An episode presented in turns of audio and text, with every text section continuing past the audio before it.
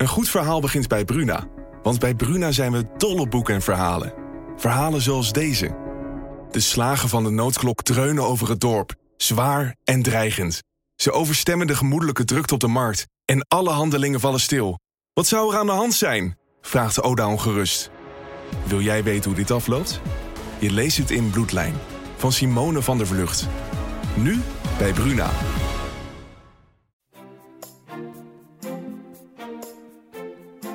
Dit is Kwestie van Centen, een podcast van de Financiële Telegraaf. Met Martin Visser en Herman Stam. Hartelijk uh, welkom. Uh, ik kan ook zeggen hartelijk welkom aan Alexander Bakker. Ik heb twee keer je komst al uh, aangekondigd in onze podcast. Dat kwam er elke keer niet van. Je bent een druk bezet man met al die stikstofcrisissen en VAS en PAS waar je over moet schrijven. Maar nu op maandag hebben we je toch bereid gevonden om hier in de studio te zijn. We gaan het eens even dat hele ingewikkelde dossier doorakkeren. Onze man in Den Haag. Onze man in Den Haag. Ja, zei ik dat er niet bij. Onze parlementair verslaggever in Den Haag die hierover schrijft. Ehm, ja, laten we gewoon eens eventjes heel simpel beginnen voor de leek. Want ik wil niet een soort podcast maken van stikstof voor dummies. Maar PFAS, PAS, stikstof. Haal het eens even allemaal uit elkaar en waar we mee bezig zijn. Ja, het zijn inderdaad twee verschillende dingen. Hm. Uh, maar ze zijn ongeveer wel tegelijkertijd een probleem geworden. Uh, eind mei was er de uitspraak van de Raad van State. En de hoogste bestuursrechter heeft na een jarenlang proces, die al verschillende rechters ook is, is gepasseerd, gezegd de programmatische aanpak stikstof mag niet meer worden gebruikt. Dat is eigenlijk, als je het heel simpel wil zeggen, een milieucomponent in uh, vergunningen. Dus als je een vergunning aanvraagt om te bouwen of om te vissen op zee, dan is onderdeel daarvan het milieucomponent. En daar werd altijd de programmatische aanpak stikstof voor gebruikt. En ga ik proberen dat heel simpel uit te leggen. Dat komt erop neer dat je op papier gaat zeggen van nou ja, zoveel stikstof komt er bij mijn uh, project vrij of bij mijn, bij mijn werk. En daar tegenover zetten we een bepaalde maatregel als compensatie. Het ding alleen bij de pas was, zoals heel veel mensen het kennen, mhm. is dat die compensatie soms wel vijf jaar later lag. Uh, of het op papier werd gezet, maar nooit werd uitgevoerd. Oftewel, de borging van dat het ook echt gaat gebeuren, die was er niet. En juist op dat punt heeft de Raad van State gezegd van ja, dat kan niet zo langer. Ja. Hoe kwam het, uh, want die uitspraak was in mei, als ik het goed heb. Uh, volgens mij sloeg niet echt iedereen daar meteen op aan toen die uitspraak er was. Nou, ik was die dag echt volkomen in paniek. Ja, oké. ja. en er waren nog wel wat, uh, wat mensen die het, uh, die het dossier een beetje kenden. En um, die zagen vooral dat um, de Raad van State eigenlijk helemaal geen ruimte meer overliet. Want er was nog een beetje hoop, ook op de verschillende ministeries, van nou, als die uitspraak er komt, hè, misschien mag die pas dan wel weer niet meer. Maar die hadden niet verwacht dat heel Nederland ook op slot zou worden gezet. Mhm. Want um, er werd niet een beetje ruimte overgelaten. Nee, het mocht niet meer per direct. En alle, in alle gevallen? In alle gevallen. En ook uh, uh, projecten die zeg maar uh, nog niet onherroepelijk waren, zoals dat dan heet. Dus mhm. waarvan de vergunning, waar, waar bij wijze van spreken binnenkort gebouwd zou mogen worden. Maar de vergunningen nog, hè, dat je naar de rechter kunt stappen tegen dat project. Zelfs die vielen eronder. Dus dat een enorme schaal. Uh, en, en, wat je ook zag op dat moment was van ja, dat die impact, oké, okay, het is groot, is groot, maar hoe groot is het eigenlijk? En daarom heeft het ook zo lang geduurd, hè, dat ze eerst alles in kaart gingen brengen van wat wordt er nu precies geraakt enzovoort. Mm -hmm. Dat andere ding, PFAS, ja, dat is weer een, een, een milieunorm uh, waar het gaat om. Uh, uh, PFAS is een verzamelnaam van allerlei chemische stoffen, duizenden, maar waarvan misschien de bekendste wel is, is die wordt gebruikt voor Teflon in je, in je. Mm-hmm. nou, we zijn er inmiddels achter dat, dat die, die PFAS-stoffen ja, mogelijk schadelijk kunnen zijn voor de gezondheid. En overal in de grond zitten. En overal in de grond zitten. En nou ja, er zijn op een gegeven ogenblik de alarm alarmbellen afgegaan. Uh, en, uh, en daardoor is een situatie ontstaan, vooral van heel veel uh, vragen over wat moeten we daar nu mee aan bij de gemeente. En heeft Den Haag een soort, ja, dat heet dan officieel weer een kaderrichtlijn bedacht van mhm. nou, zo moet je ermee omgaan. Maar in plaats van dat men dacht van nou, dat is mooi, we kunnen weer die grond ook gaan gebruiken waar dat in zit, ontstond er een situatie waarin er in Nederland geen grond meer verplaatst kon worden, want iedereen was helemaal in paniek geraakt. Mm Um, en het komt er dus inderdaad op neer dat als dat goedje in de grond zit, en dat kan dus in het hele land in de grond zitten, dat je er eigenlijk heel weinig nog mee kan. Of het moet naar een speciale plek Eh, maar ja, die speciale plekken zitten ook dan heel snel vol. Uh, en die, die normen en die grenzen van, van, van, zodra dat er al in zit, die waren zo streng dat je er eigenlijk niet meer mee kan werken. Er werd ook wel gezegd van als iemand ging meten en had een Gore-Tex jasje aan, dan mogelijk dat, dat alleen al het materiaal van zijn jas dermate vervuilend zou zijn voor die meting dat, ja, dat je al boven de norm zou zitten. Misschien was het een lichtelijke overdrijving, dat weet ik niet. Maar als je het kan meten, is al te hoog. Dat is voor mij toch ja, de bottom nou, line. Daar, daar komt het een beetje op neer. En dan, nou, dat land duurde ook even voordat zeg maar besef kwam van uh, dit, dit gaat goed mis. Ik sprak een, een eh, VVD-kamerlid daarover die dat als een van de eerste ook uh, politiek aan de handen heeft gemaakt van help, er is hier een probleem aan het ontstaan. Mhm.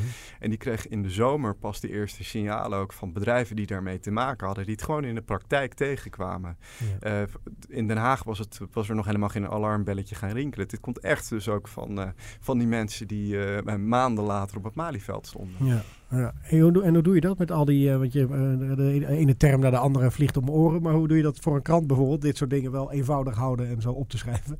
Nou ja, dat is uh, zelf heel veel vragen stellen mhm. en, en zo nu en dan ontwikkelt dat zich ook. Want over sommige onderwerpen, ook bijvoorbeeld over stikstof, ja, dat daar, daar, daar, daar, daar zie je gaande proces dat Den Haag ook zelf daar steeds meer over leert. En daar groei je dan af en toe natuurlijk in mee, omdat er meer informatie beschikbaar komt. Mm -hmm, ja. Martin, je bent inmiddels ook expert geworden op dit uh, dossier? Um, ja, expert vind ik een groot woord. ik bedoel, uh, niet voor niks dat ik heel graag wil dat Alexander erbij was. Maar uh, nee, zeker ook vanuit mijn aandachtspunt. Ik bedoel, de economische gevolgen, de impact daarvoor voor, voor bedrijven als Nederland, uh, de, de, roep vanuit VNO en MKB, ben ik op een gegeven moment ook over gaan schrijven. Um, en was ik ook even, ja, het duurt wel even voordat, je echt goed begrijpt waar het over gaat. maar ik heb vooral inderdaad aan die lobbykant ook zitten, zitten kijken. En dat was natuurlijk fascinerend hoe dat, hoe dat gegaan is. Omdat natuurlijk, ja, dat besef dat drong gaandeweg door. Misschien ook wel bij ons, maar vooral ook in de politiek. Bij de ministerie zou er echt heel veel expertise moeten zitten. Die zouden dat in ieder geval sneller moeten kunnen weten dan, dan, dan wij zelf. Ja, en die bouwers bijvoorbeeld en heel veel andere bedrijven die met de bouw te maken hebben, die, die zien de gevolgen. Ja, en, en uh, ja, na de zomer begonnen ze steeds harder op de trom te slaan, omdat het gewoon veel te traag ging vanuit. Uh, en Nederland op slot klinkt dan meteen al heel populistisch. Maar dat, dat, was wel aan het gebeuren. En misschien met die PFAS nog harder dan met die stikstof uh, werd op een gegeven moment uh, werd, werd wel duidelijk. Dus ja. Ja. het is fascinerend, maar ook onbegrijpelijk dat je op een gegeven moment zo op twee dossiers zo juridisch totaal klem zit. Ja. En dat het blijkbaar, blijkbaar niet mogelijk is of, of niet wenselijk, politiek gezien, om ergens een noodwet uit, uit de hoge goed te toveren. In het enige geval bij de Raad van State was het denk ik heel ingewikkeld geweest. Bij de PFAS is weer een ander verhaal. Ja, fascinerend. En een keiharde clash heeft dat opgeleverd uiteindelijk tussen, tussen werkgevers Nederland en de politiek. Ongekend. Die nog, steeds, die nog steeds gaande is. Ja, tot Malieveld aan toe. Bedoel, afgelopen zaterdag hadden we Hans de Boer weer in de krant. Die had zich echt voorgenomen het interview niet weer boos te worden, maar hij werd toch weer boos. en, uh, uh, nou, is, hij ook wel, is het ook wel fijn om Hans de Boer in de gordijnen te krijgen. Maar hier is echt iets aan de hand. Bedoel, was van de week was er een crisis, crisisberaad de Malitoren met 50 brancheorganisaties. Nou, ik dacht die mensen daarop na afloop. Het was heel veel journalisten, er was heel veel media-aandacht voor deze heel ingewikkelde materie.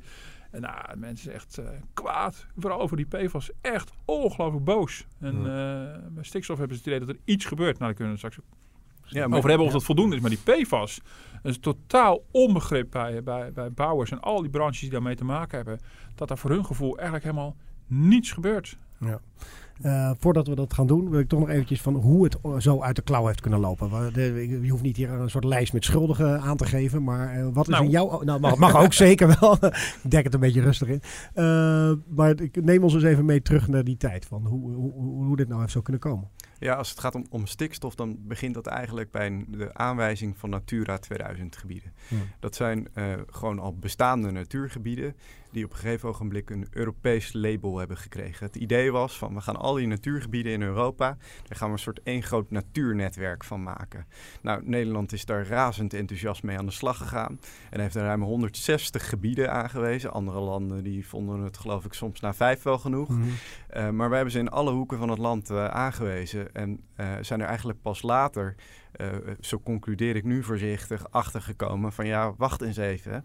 Uh, het is leuk om die natuurgebieden wel Europese natuur te maken, maar er zitten ook Europese natuurregels staan. Die aan vast. bepalen vervolgens wat jij in die omgeving van dat gebied kan doen. Ja, en daar Ja. komt inderdaad dat, eh, dat, dat stikstofspook eh, om de hoek Ja. kijken. En toen ze daarachter kwamen, was het, was het eigenlijk al te laat. Want de, die gebieden waren voorlopig aangewezen, maar dat konden ze al niet meer terugdraaien. Dat, dat gaf toen al juridische haken en ogen. Hebben ze, hebben ze dat wel geprobeerd om in, de, Ja, in Brussel staat- dat te doen? Ja, staatssecretaris eh, Bleker heeft dat in Mm. uw tijd geprobeerd. En ik heb hem eh, eh, een aantal weken geleden heb ik hem daarover gesproken. En ook gevraagd van ja, waarom lukte dat niet? Nou ja, hij zei van ze moesten toen dus al helemaal juridisch onderbouwen. En vooral ecologisch onderbouwen van waarom dat gebied dan niet meer Natura Mhm. 2000 zou moeten zijn.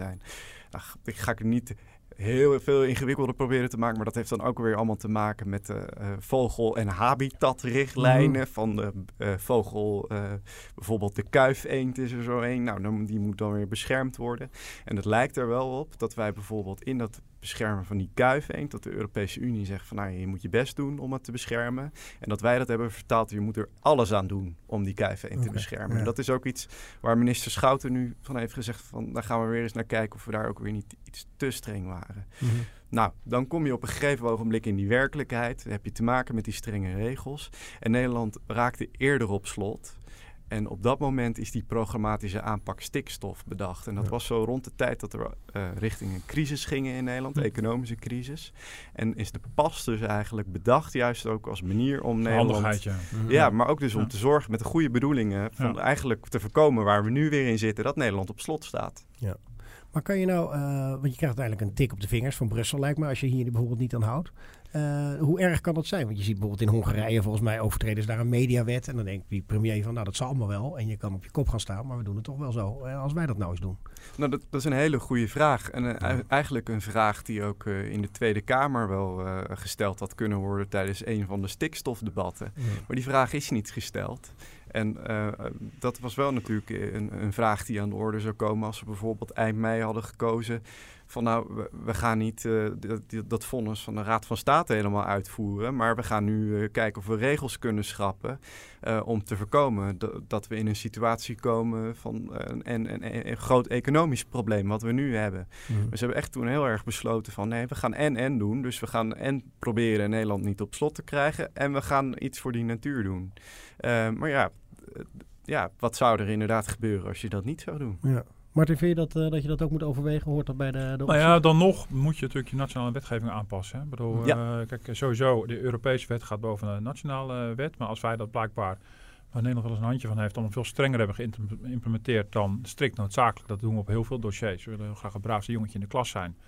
Ehm, maar ja, dan op een gegeven moment, als het gewoon Nederlandse wetgeving is, nou, dan is het een Nederlandse rechter, in dit geval uiteindelijk de Raad van State die erover oordeelt, dan zit je er gewoon aan vast. Ja. Ik bedoel, ja, we kunnen ook zeggen van nou, we negeren de Raad van State, maar ja, dan, dan zijn we natuurlijk de democratische rechtsstaat om zeep aan het helpen. Mhm. Dus dan nog moet je op een manier met nationale wetgeving moet je dat aan gaan passen. Ehm, eh, dus we- wellicht dat daar mogelijkheden zijn, maar dat heb je ook niet zo 1, 2, 3 natuurlijk eh, gedaan. En daar had je dan noodwetgeving Precies, voor nodig. ja, om- wel binnen de Mm, marges ja. van de Europese richtlijnen. eh, maar als daar blijkbaar manoeuvreerruimte zou zitten, dan zou je dat kunnen. Ja. Maar dat, wat ik erg opvallend vind, en ik het is ook erg ingewikkeld. eh, dus op een gegeven moment loop je ook tegen de grenzen van je eigen kennis aan, zeg maar. Is dat natuurlijk al heel snel de teneur was, ook vanuit die commissie Remkes, Johan Remkes, die VVD'er die, die hierover geadviseerd heeft. Die, eh, ja, die eigenlijk de hele route naar een snelle, makkelijke oplossing heel snel heeft afgesloten. Terwijl ik hoorde bij VNO, de werkgeverslobby, eh, had hij heel sterk het gevoel van, nou, dit moet op een juridisch toch te fixen zijn. En eh, nou, die route is eigenlijk heel snel, die pas is heel snel, de pas is heel snel af. Oh, sorry, is heel snel We hebben afgesneden. een kop voor de podcast. Ja, ja, sorry, sorry. Maar, eh, Ja. dus, maar hoe, hoe verklaar je dat, Alexander? Ik bedoel, eh, bedoel, je hebt altijd het idee van, ja, weet je, dit is zo dramatisch, Nederland op slot. Daar moet toch wel een, een of andere eh, eh, eh, foefje op te vinden zijn. Maar Ja, dat is ik niet denk- geprobeerd. Ik denk dat er daar meerdere dingen voor zijn aan te wijzen. Enerzijds dat het misschien wat totaal onderschat is, die uitspraak van de Raad van State en de gevolgen daarvan. En anderzijds op het moment dat dat wel helemaal binnenkwam en dat... het heeft ook maandenlang geduurd voordat Den Haag over een crisis wilde spreken. Dus Ja. dat is ook wel heel tekenend. Hm. Uh, en, anderzijds is er dus gewoon die politieke werkelijkheid. Het is een coalitie van vier partijen, waarbij de VVD en CDA veel meer zullen voelen voor we gaan alles aan doen om die economie te redden. Terwijl ChristenUnie en D66 juist aan de andere kant van het touw trekken en vol voor die natuur willen gaan. Mm Ja. Ja, dus als je dat heel, uh, als je dat inderdaad via een handigheidje oplost, dan, dan krijg je natuurlijk uh, coalitieproblemen. En, uh, ja, maar goed, uiteindelijk gaat het natuurlijk wel over woningen. Ik bedoel, om het nog even concreet te, te maken. Ja, waar we het over hebben, over nieuwbouwwoningen die er toch al te weinig kwamen. Het gaat over infrastructuurprojecten die op slot zitten. Dus het gaat echt, ik bedoel, het zijn zakelijke belangen. Maar uiteindelijk gewoon dat wij als consument, als Nederlander, nou ja, als woningbezitter. veel meer dan dat hoor, want dit is wat we tot nu toe horen. Maar uh, waar, we, waar het tot nu toe ook nog helemaal niet over is gegaan, is bijvoorbeeld onze vissers. Uh, maar alle vissers in Nederland hebben een gebruiksvergunning voor een bepaald aantal jaren. En ook bij die gebruiksvergunning komt het hele stikstofverhaal weer terecht. Want ook de zee is, een, is Europees beschermd natuurgebied. Hmm. En als je daar met je boot doorheen wil varen, ja, dan heb je natuurlijk stikstof. Uh, nu hebben de vissers nog even geluk, want hun vergunning duurt nog een aantal jaren. Hmm. Ze hebben concessieperiodes. Uh, maar ja, aan het einde van de rit zal dus daar ook weer iets moeten worden gevonden. Nou ja, ik weet niet hoe je wil gaan compenseren op zee. Ja, langzamer varen. Ik weet het hmm. niet. Ja, ja. ja. Uh, ja. want dat wilde ik jou vragen ook, Martin. Eh, je, je hoort dan, hè, de, de, de, iedereen is uh, bang voor de gevolgen, maar zie jij ook al daadwerkelijk economische gevolgen? Nou ja, je ziet in ieder geval wat je. Dat is misschien nog net even iets te vroeg. Je ziet wel in de. Er waren natuurlijk, vorige week waren natuurlijk de eh, nieuwe kwartaalcijfers voor de economische groei. Nou, die zagen er allemaal nog best wel goed uit. Je ziet wel dat het, uh, het ondernemersvertrouwen aan het dalen is. Dat is al een poosje gaande overigens, maar dat gaat wel vrij hard. Je ziet dus wel dat, dat bij de economische duiding ook het CBS al wel voorzichtig die stikstof noemt. Um, en, bij de, en vooral ook de, de bankeconomen die al die cijfers dan doorakkeren. En iedereen wijst vooral naar volgend jaar, wat het volgend jaar gaat betekenen. Je ziet ABN AMRO bijvoorbeeld, die heeft uh, de, de raming voor de economische groei omlaag bijgesteld naar onder de 1%. Dat is allemaal nog niet heel dramatisch. Ik bedoel, er is nog geen recessie. Maar toch, dat, heeft dat is al een mogelijke impact uh, hiervan. En uh, kijk, dat, dat, je, je wilt natuurlijk niet uh, uh, omdat er door, door, politiek falen en juridische problemen, dat je gewoon echt daadwerkelijke economische consequenties gaat hebben. Dat wil je natuurlijk als het even kan zien te voorkomen. Mhm. En je wil ook dat die woningbouw gewoon, uh, die al zo moeizaam liep, dat dat gewoon enigszins op gang blijft. En dat zal op zijn, in het beste geval, een enorme hiccup inkomen. Ik bedoel, in het slechtste geval komt het tot stilstand of een soort van stilstand. En dan gaat het economisch natuurlijk zeker wel, wel terugzien. Maar je ziet vooral in de vooruitblik voor het volgend jaar dat, uh, dat alle economen daar al rekening mee beginnen te houden dat dat zijn impact kan gaan hebben. En hoe groot dat dan echt is, dat moet een beetje blijken. Mhm. En bij de bouwers wordt ook op gewezen van ja, uh, hallo, we hebben gewoon mensen thuis zitten. Vooral in dat, dat is weer die PFAS, in het grondverzet en baggeren. Dat zijn projecten die, die, die stil zijn komen te liggen. Terwijl bij de stikstof is het vooral dingen die uh, gebouwd zouden gaan, hoe zeg je dat nou? Dat is een, uh, daar zit nog nodig in de pipeline bij die mhm. bouwers. En dus de verwachting is bij stikstof dat het iets langer duurt voordat je dat gaat merken. En de PFAS merk je dat meteen. Um, uh, maar goed, dat zijn ook misschien in de media niet direct tot de verbeelding sprekende projecten. Dat je denkt, oh, mijn huis komt niet af. Ik bedoel, dan heb je het over baggerwerk, over grondverzetwerk. Uh, ik denk dat het ook even geduurd heeft voordat ze weg ook vond naar het grote publiek. Ik bedoel, PFAS was nog weer een slag ingewikkelder om uit te leggen dan stikstof. Maar je hoort ook heel duidelijk aan de werkgeverszijde, die zeggen steeds PFAS is actueler en veel acuter. Dat het probleem, het Malieveld stond eerst vol met boeren, stikstof. Mhm. Eh, ehm, maar stond daarna vol met bouwers. Dat kwam van grond in verzet. Uh, dus dat is, een, dat, is, dat is in eerste instantie geïnitieerd vanuit die PFAS. En je ziet dus nu dat die werkgeverslobby heel probeert duidelijk te maken. Jongens, daar zit het probleem. Daar komt de schadeclaim ook mhm. vandaan. Straks van, eh, van, van die brancheclubs. Dat heeft allemaal met, dat, met, uh, met, die, met die PFAS te, te, maken. En die fietst nog eens even doorheen. En die is mogelijk nog, heeft nog grotere gevolgen dan voor, op korte termijn dan stikstof. Maar wat gaat dat akkoord? We hadden vorige week een akkoord hè, met een aantal maatregelen, mm waarvan die 100 eh, kilometer volgens mij het meest opvallende was. Uh, uh, wat gaat dat dan eigenlijk doen voor de toekomst? Nou ja, die gaat voor volgend jaar in ieder geval deze papieren werkelijkheid oplossen. Want daar hebben we het over. Want als je het over bijvoorbeeld de bouw van die 75.000 uh, woningen hebt.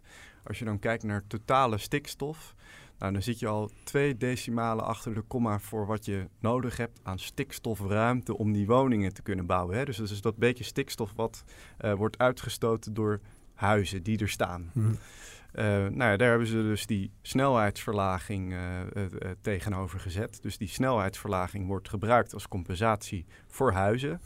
Uh, en daarmee is het voor volgend jaar geregeld. En dat is misschien nog wel aardig. Van wat doet zo'n uh, snelheidsverlaging van, van 130 of 120 naar 100 overdag nou precies? Nou, dat is dus op de totale stikstofuitstoot in Nederland, of officieel moet je zeggen neerslag die in de natuur terechtkomt, 0,07 procent.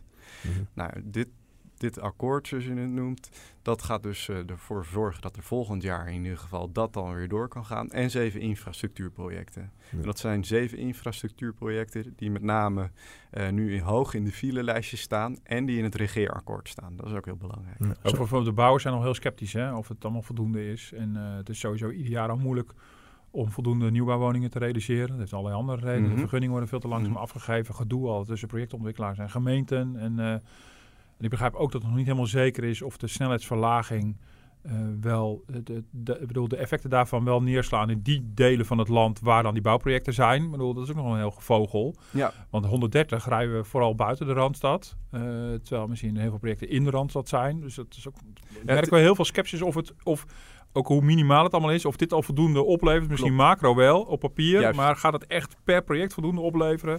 Ja, en dat, dat laat weer zien hoe ontzettend ingewikkeld het is. Bijvoorbeeld, ze hadden in het begin nog gehoopt, tijdens die onderhandelingen, toen ze met elkaar aan het puzzelen waren en aan het zoeken waren naar die oplossingen, dat de verlaging van de maximumsnelheid in Limburg gebruikt zou mogen worden voor het bouwen van huizen in Zuid-Holland.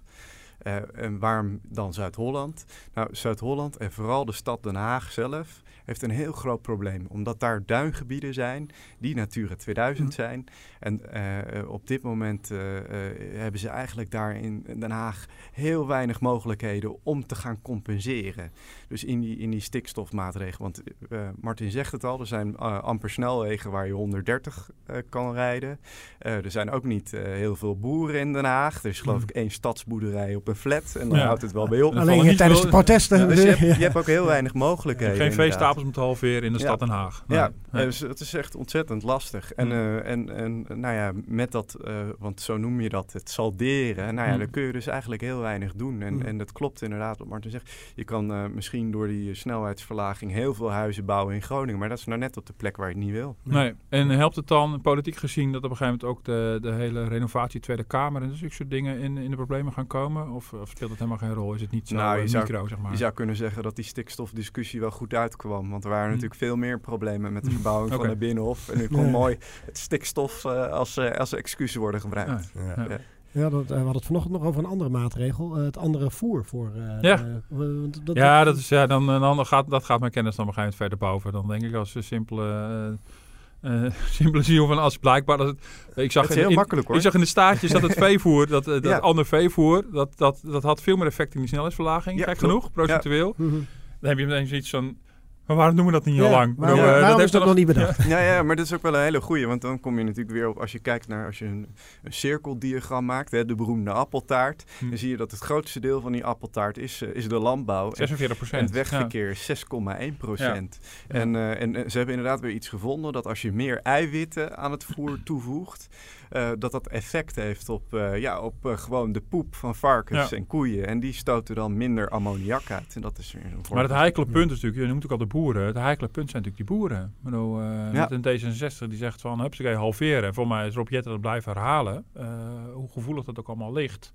en tegelijkertijd de boze boeren op het Malieveld. Ehm, ik vind het ook wel, ik vind dus de verschillende... Um, grootheden in de discussie ook wel ingewikkeld. Ik bedoel, als je mm -hmm. nou kijkt, die snelheidsverlaging van 130 naar 100. Ik snap dat het voor de VVD een heel gevoelig ding is. Want ja, ze hadden zo'n lekker goede sier meegemaakt. De Vroom Vroom partij. Mm -hmm. Aan de andere kant denk ik, ja, nou, als het nou echt zou moeten. Als je zegt, oké, okay, maar dat is nou echt gewoon nodig. Dan, denk ik, ja, dan zou ik er niet zo'n bezwaar tegen hebben. En dat staat ook in geen verhouding tot een boer die gewoon misschien bedoel, zijn toekomst ziet verdwijnen. Bedoel, dat vind ik ook zo, snap je? Dat zijn zo andere ja, grootheden. Een beetje langzamer rijden versus zo'n boerenbedrijf dat gewoon helemaal opgegeven moet worden. En dat is weer om weer terug te komen op hoe lastig het is. Kijk, bij klimaat is het zo. Daar hebben we voor 2030 heeft het kabinet een doel bedacht. Europa zegt veel lager doel, maar Nederland heeft het doel voor zichzelf bedacht. 49% minder CO2 ten opzichte van 1990. Maar bij stikstof is er niet zo'n doel. Er is hm. niet een doel van in 2030 uh, moeten we 50% minder stikstof uitstoten. Nee, dit gaat om de stikstof die neerkomt in de natuurgebieden. Dus uh, stikstofneerslag. En het, het, wat het zo ontzettend ingewikkeld maakt, is dat dat ook dus weer heel erg lokaal is. Dus die bronnen zitten soms heel erg lokaal. Dus het uh, weghalen van een uh, boerenbedrijf, ook weer in Limburg, heeft geen effect op een natuurgebied in Brabant. Uh, en, en, dat was waarom ze nu voor die, voor, die, uh, voor die wegen hebben gekozen. Want die zitten in alle hoeken van het land. Ja. Uh, en je kunt het snel doen. En daardoor hebben ze nu... Ja. Maar als je kijkt naar wat het doet voor de totale stikstofuitstoot ja. in Nederland... Ja, 0,07 procent. Maar dat gaat dus een grote klapper worden, de veeteelt. Hoe je daarmee verder moet. Ja, de, nou, de, warm, de warme sanering, dus het eufemisme van het jaar, toch? Nou, nou ja, en, en, en, de landbouw is, is wat dat betreft een, een grote factor. Maar ook niet overal dus. Want mm. uh, in de stad Den Haag, ik gaf het net al aan. Mm. Ja, daar uh, in de duinen is, is het, is het uh, onder andere zijn het algen uit de zee die stikstof uitstoten. En mm. nou, dat land. Halvering van algen. Ja, ja nee, maar hoe ingewikkeld het is. Ja. Maar dat geeft ook nog politieke spanning. Hè? Ik bedoel, bij CDA begrijp ik... Uh, ik denk dat jij bij CDA was of een van je collega's. Uh, nee, van onze collega's in Den Haag. Maar ja, was jij daar? Nou, ik, ik, was niet op dat, op dat congres. En hebben ze oeverloos zitten bakkeleien over een zinnetje... dat precies gaat over de positie van de Nederlandse landbouw. De exportpositie. Ja. Dus dat, dat verdeelt al zo'n partij om. Nou ja, en ze zijn er dus nog niet. Want dat is hm. natuurlijk ook wel interessant. Partijen hebben nu al hakken in het zand gezet. Terwijl ze eigenlijk nog niet weten wat er nog nodig is om dat hele vraagstuk op te lossen. Hm. En dat kan natuurlijk ook op een gegeven ogenblik voor problemen zorgen. Want als jij allerlei dingen al hebt gezegd van nou, dit mag niet, dat mag niet. En vervolgens blijkt ja, dat je schaakmat komt te staan, dat je geen andere kant op moet en daarop moet terugkomen. Ja, dat is natuurlijk politiek niet uit te leggen. Nee. Maar dat heeft de VVD toch gedaan met die 130 kilometer eigenlijk al? Qua... Ja, maar dat, dat is dus een, een, eigenlijk een soort doekje voor bloeden voor komend jaar. En een mm. maatregel die, uh, die tegenover iets staat. Voor die huizen, er, er, er is dus, daar, daar zit je dus ook twee decimalen achter de komma. Dat gaat mhm. dus helemaal nergens over eigenlijk. Daarom ja. spreek ik ook van een papieren werkelijkheid. Mhm. Want als je kijkt naar hoeveel minder stikstof daardoor in Nederland komt, dat is dus niets. Maar goed, het is dus wel net genoeg macro in ieder geval om die huizen op gang te helpen. Dat is dan het idee. Dus... Ja, op papier wel, maar of de natuur er iets aan heeft, dan kun je natuurlijk wel nee, Ja, precies. Ja, en daar begon dit hele verhaal wel mee. En dat is ook waardoor het eigenlijk niet is uit te leggen aan mensen. Voor de VVD was die, die snelheidsverlaging natuurlijk heel pijnlijk Uh, nou goed, dat hebben ze zelf ook heel nadrukkelijk steeds gemeld. Een rotmaatregel. Ja. Dat was het woord dat ze ingestudeerd hadden met Volgens mij ging het daardoor nog meer aan de VVD kleven. Ja, dat vond ik echt opmerkelijk ook. Maar goed, dat is, uh, maar hebben ze daar iets voor teruggekregen? Nou, zelf uh, hebben ze wel een aantal punten uit het akkoord waar ze heel erg de nadruk op leggen. Van nou ja, we gaan ook nu kijken naar die Natura 2000 gebieden. Hè, of we er niet een aantal kunnen schrappen nou, ik gaf net al aan dat dat heel erg moeilijk is. Maar het ziet er naar uit dat als je een goede ecologische onderbouwing vindt, dat dat wel kan. Maar of ze die gaan vinden, ja, dat is nog maar de vraag. Dus ze, ze, ze zijn nu blij om iets wat uh, ver in de toekomst ligt, waar je hmm. voorlopig nog niets aan hebt. Um, Zit je, ook, zit je ook zo diep in die ministeries dat je weet wie die, die ecologische de, de pleidooien op, opstelt? Bij zo'n eh, ja, nou ja, dat is wel, wel, een, wel een goeie. Want die zitten voornamelijk natuurlijk bij het ministerie van Landbouw uh, en Natuur. Mhm. En die ecologen, laat ik het zo zeggen, die zijn niet bij alle ambtenaren in Den Haag heel erg geliefd. Uh, want die zijn, neigen er soms nog wel eens naar, zo hoor ik vanuit verschillende hoeken, om niet heel erg te kijken van ja, wat betekent dit nu voor Nederland? Maar die zitten heel idealistisch vast in die, uh, ja, in die natuurdoelen. En uh, dat gaat natuurlijk in deze discussie ontzettend botsen. Want er zijn allerlei ministeries met andere belangen. Dus ook in Den Haag bij die ministeries onderling knettert het een beetje. En dan heb ik het echt over tal van ministeries. Want zelfs het ministerie van Defensie heeft er last van. Want iedereen die wel op verschillende plekken in Nederland komt, weet dat die oefenterreinen van Defensie vaak in die Natura 2000 gebieden liggen. Ja, ja. En nog even over die ruil. Hè? Bedoel, Hans de Boer die suggereerde bij ons in de krant dat hij had vorige week woensdag werd het kabinetspakket bekend. Mhm. Dat hij dinsdag nog tegen Klaas Dijkhoff had gezegd... ja, ik neem toch aan dat als je, als je die 130 kilometer inlevert... dat je daar dan de PFAS voor terugkrijgt. Um, maar zo'n zo'n ruil is er niet geweest. Hoe, hoe is dat te verklaren? Nou, dat, je ziet binnen het kabinet wordt, wordt die PFAS-discussie wel uh, behoorlijk uh, gescheiden gehouden van de stikstofdiscussie.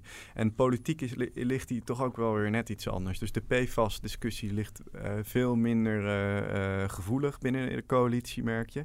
Ja, um, maar daar is minste beweging op. Ja, klopt. Hoe, kan, hoe komt dat dan? Nou, omdat er een, een uh, ik wou zeggen staatssecretaris, maar ze is uh, nu minister zit. Mm -hmm. uh, minister voor Milieu, Stientje van Veldhoven. zij houdt heel erg nog vast aan dat het RIVM eerst een advies moet geven. En ja, blokkeert eigenlijk daardoor iedere vorm van versnelling. Want het RIVM ja, kan gewoon niet sneller dan dat ze nu kunnen. Geven maar waarom accepteert de rest van de coalitie dat dan? Als natuurlijk vanuit de bouw wordt gezegd, dat is eigenlijk voor ons nog veel dringender en veel acuter. Hoe, ik, ik, kan dat niet met elkaar rijmen, gezegd. Nou, er wordt aan gewerkt. En, en uh, sterker nog, uh, uh, er ligt op op, op, uh, op papier ligt er zelfs al een noodwet klaar. Er ligt hmm. ook al een drempelwaarde klaar. Dat is waar uh, ondernemers nu om vragen. Terechte vraag van ja, waarom doe je dat niet nu al? Nou ja, omdat er dus een minister zit die heel erg zegt, ja, het moet op papier allemaal kloppen. Want alles wat, ja. wat uh, minister van Veldhoven en daarvoor als staatssecretaris deed, klopt op papier. En wat je bij haar wel vaker ziet, is dat ze heel goed in staat is om alles kloppend te krijgen op papier. Alleen dat die schakel naar wat voor effect heeft dat op straat ontbreekt. En uh, dat is niet alleen in dit dossier. Dat was al zo als het over elektrische auto's ging. Uh, dat ze dacht dat uh, Jan Modaal ook wel even een Tesla kon kopen. Ja, mm -hmm. Maar die drempelwaarde, dat is eigenlijk zeg maar een nieuwe norm, als ik het simpel mag zeggen. Ja, die zorgt eigenlijk weer dat je ervoor dat je grond wel kan verplaatsen. Precies, ja. ja. En dat, je hebt het wel het idee dat 1 december is dat gewoon rond. Nou, ja, dat zal dan wel weer afhangen van wat het RIVM daarover zegt. Want als het RIVM natuurlijk komt met een argument van ja, het is uh, levensgevaarlijk. Ik verwacht dat eerlijk gezegd niet als je kijkt naar wat er tot nu toe bekend is. Maar stel dat ze daar wel mee komen, ja, dan zal dat weer alles uh, blokkeren. Maar uh, op dit moment, ook onder druk van diezelfde coalitie, hmm. gaat ze wel vol voor die drempelwaarde. Ja. En de redenering van het is Rutte... nog niet naar buiten alleen. Nee, en die redenering van Rutte, die natuurlijk, uh, natuurlijk, uh, natuurlijk uh, met, met gevoel voor drama zei van ja, we moeten deze pijnlijke rotmaatregel nemen. Want we kunnen niet hebben dat er met de kerst bouwvakkers werkloos thuis zitten. Vind je dat een juiste voorstelling van zaken? Nou ja, om daar echt goed antwoord op te kunnen geven, moet je eigenlijk weten wat er precies allemaal besproken is de afgelopen weken in de coalitie. Het uh, akkoord wat er nu ligt, heeft eigenlijk uh, heel weinig maatregelen opgeleverd. Die maximumsnelheid is er één van, het voer. En dan zijn er nog een aantal mm. kleine dingen die nog uh, meer tijd gaan kosten. Maar we weten ook dat er eerder verhalen waren over een groslijst van wel twintig ideeën. Maar al die andere ideeën hebben we niet gezien. We hebben er geen doorrekeningen van gezien. Dus eigenlijk zou je kunnen zeggen van ja, uh, uh, zoals premier Rutte zegt van ja, dit was echt de enige manier om, om die bouwvakkers aan het werk te krijgen en zorgen dat ze niet werkloos thuis zitten met kerst.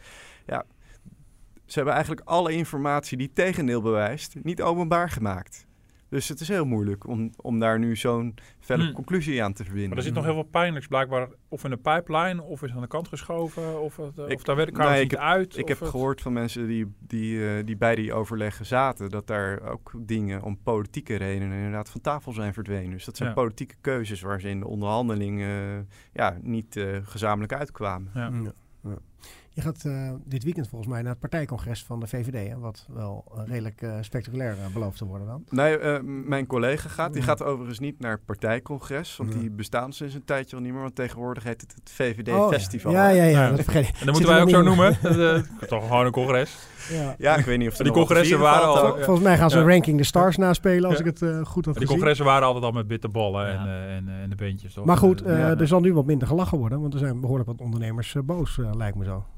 Nou ja, dat, dat, uh, dat kan ik me zo voorstellen. Ik weet niet of uh, al die ondernemers uh, onderhand nog lid zijn. Want hmm. ik zag de afgelopen dagen ook weer heel veel mensen die zeiden van... nou, ik, ik heb mijn lidmaatschap opgezegd. maar ik kan me voorstellen dat de sfeer daar anders is. Het is wel zo, en dat geldt voor bij meer politieke partijen... dat de congresgangers dat zijn heel vaak de mensen die ook politiek actief zijn. En nou ja, daar lopen we natuurlijk allemaal wel eens tegen aan dat we het idee hebben dat uh, politici soms iets verder uh, wegstaan van de praktijk op straat. Mm. En uh, dat kan natuurlijk wel weer voor een net iets ander beeld uh, zorgen. Want dat zijn niet per se de doorsnee stemmers nee. die natuurlijk naar zo'n nee. festival komen. Ja. Maar Martin, wat denk jij? Uh, als je het nu zo ziet, hè, Rutte heeft het aan de stok ook gehad met uh, grote bedrijven over ja. die betalingen. Dit loopt niet helemaal lekker hoe die met de ondernemers uh, nee. en, de, en, de, VVD. Wat, wat gaat dat betekenen voor ondernemend Nederland ook, deze verhouding? Nou ja, je ziet dus wel dat, dat, dat die, de ondernemersclubs, nou de VNO en bij Nederland en zo, die zitten er enorm mee in de maag. Maar, nou, dat, dat interview met Hans de Boer van afgelopen zaterdag, waarin hij zei van ik wil niet boos worden, werd het toch weer.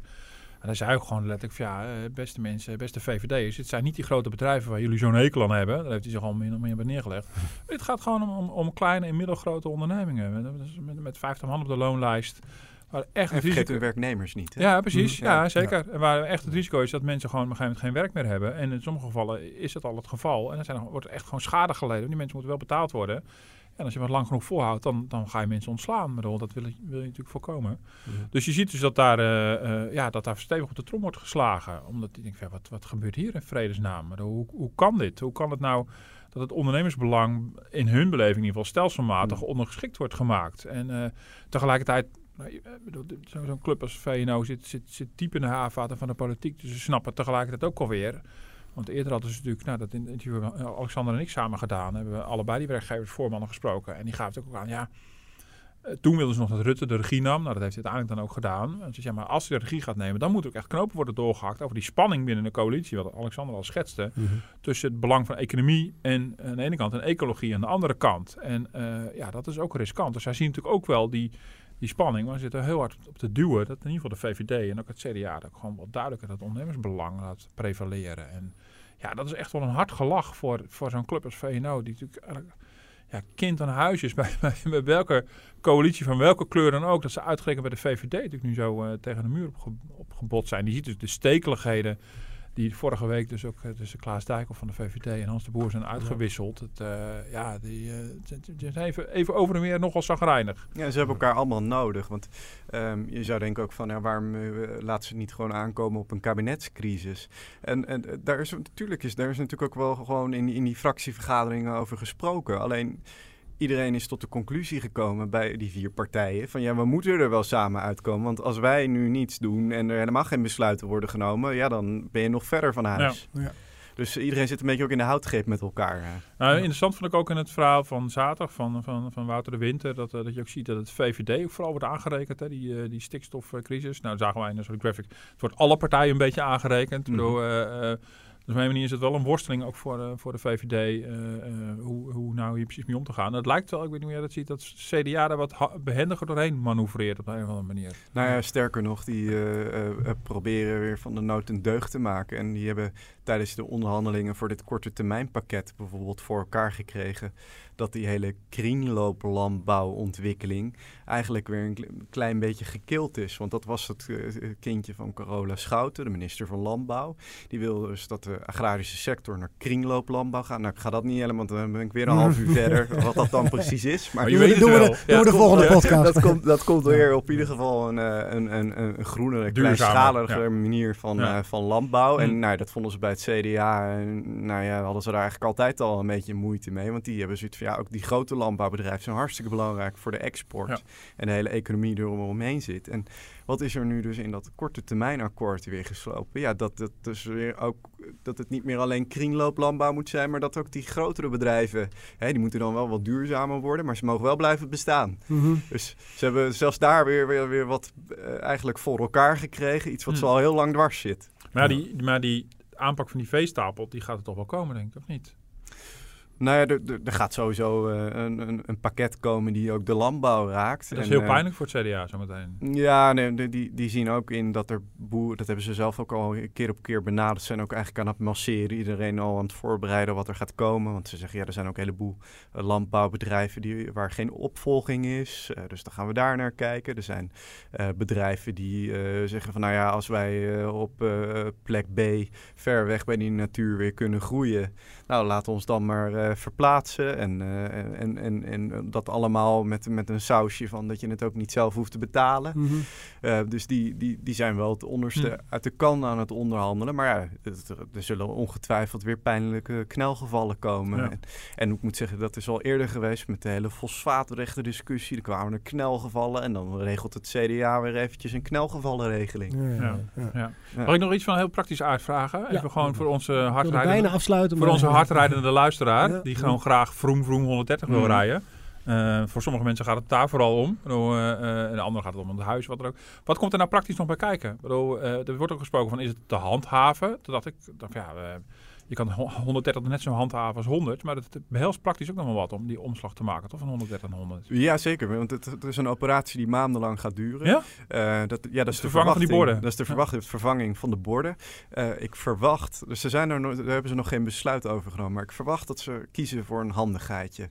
En dat is dat dat uh, eh, 130 bord blijft staan. Ja. Met alleen de tijdstip van 7 uur s avonds tot 6 uur s ochtends. Dan mm -hmm. hoeven er niet overal 100 borden te staan. Want nu hebben we 100 borden met zo'n tijdstip. Ja. En dan weet je, buiten tijdstip mag je 100. Misschien gaat dat ook niet gebeuren. Maar dat, dat, dat is wel wat ze het snelste kunnen doen. En wat natuurlijk minst pijnlijk is. Want die 100 borden die zullen anders blijven als een soort sieraad van de kabinetten Rutte 3. En dan gaat er een VVD-minister naast poseren? Of gaat dat deze keer niet gebeuren? Ik, verwacht en dat over een paar jaar kan je die bordjes weer weghalen misschien eronder. Maar die, maar die handhaving, waarom is dat een issue? Want las Koos P. er dan nou ja, goed, die er wat van vond. En, uh, dus er zijn uh, genoeg automobilisten die, die nu al hardop zeggen van nou ik ga me daar niet aan houden. Ik vind 100 veel te langzaam. Hmm. in het hele land trajectcontrole zomaar optuigen, dat kan niet. Want dan moet je ook weer enorme juridische onderbouwing voor hebben. Want hmm. alles in dit land moet juridisch hmm. natuurlijk helemaal goed geregeld zijn. Um, en ik, ik, ik denk dat ze wel um, uh, nog uh, een gesprekje moeten gaan voeren. Maar dat laat ook weer zien dat het een paniekmaatregel hm. is. Want met minister Grapperhaus is nog helemaal geen overleg geweest, dat zei hij zelf, over ja, hoe gaan we dat eigenlijk handhaven, ja. die 100 kilometer per uur. Ja. Maar je denkt dat mensen gewoon denken van nou, uh, scheid, ik rij gewoon 130. Ik, bedoel, ik ben het hier gewoon niet mee eens. Het heeft toch geen zin, die 100 rijden. We gaan gewoon crossen. Nou, nou ik, ik ben net met de auto van Den Haag naar Amsterdam gekomen. En ik dacht, ik ga even zelf de proef op de som nemen. ik heb ongeveer het hele traject uh, uh, die 130 gereden, ook hm? op plekken waar je 120 mag. En ik moet zeggen, er was gewoon sprake van doorstroming. Dat betekent dat iedereen in dezelfde vaart de volkeren hm. rijdt. Dus volgens mij houden heel veel mensen zich er nu al niet aan. Nee, nee hm. precies. Nou, dit was in het kader van je werk, dus een uh, eventuele flitsboete. Die, ja, ja, en dat was er eigenlijk tijd voor de podcast. Dus. declareren, geloof ik. Hè? dit was even de proef op de som. Ja, nee, dat moet af en toe gebeuren. Eens per week moeten we dat even doen. Ja. Je moet ook weer terug naar huis, dus rij voorzichtig, zou ik zeggen. Daar wilde ik mee afsluiten. Uh, je zei al, er is er heel veel meer over te vertellen. Dus ik hoop je snel weer een keer uh, hier te zien uh, voor dit soort toelichtingen. Want het schept heel veel duidelijkheid in ieder geval voor mij. Martin, jou ook bedankt. Ja, ik zeg voor onze luisteraars erbij dat we ook te beluisteren zijn op Spotify en op iTunes. iTunes, ja. Abonneer je bijna. Abonneer. En u kunt ons ook e-mailen op podcast.dft.nl.